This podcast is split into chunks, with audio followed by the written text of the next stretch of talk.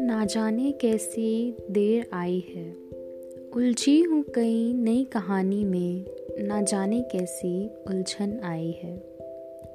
ना मन की बात कह सकूँ, ना बिन बोले कोई समझ पाया है। लफ्ज़ भी फीके पड़ गए लेखक के, ना जाने कैसी उलझन आई है।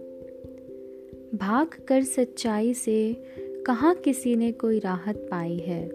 बस रुकना है अब इस दौड़ में। जीत से कई ऊपर एक आस लगाई है। ऐसी रोज़ की ज़िंदगी में ना जाने कैसी उलझन आई है।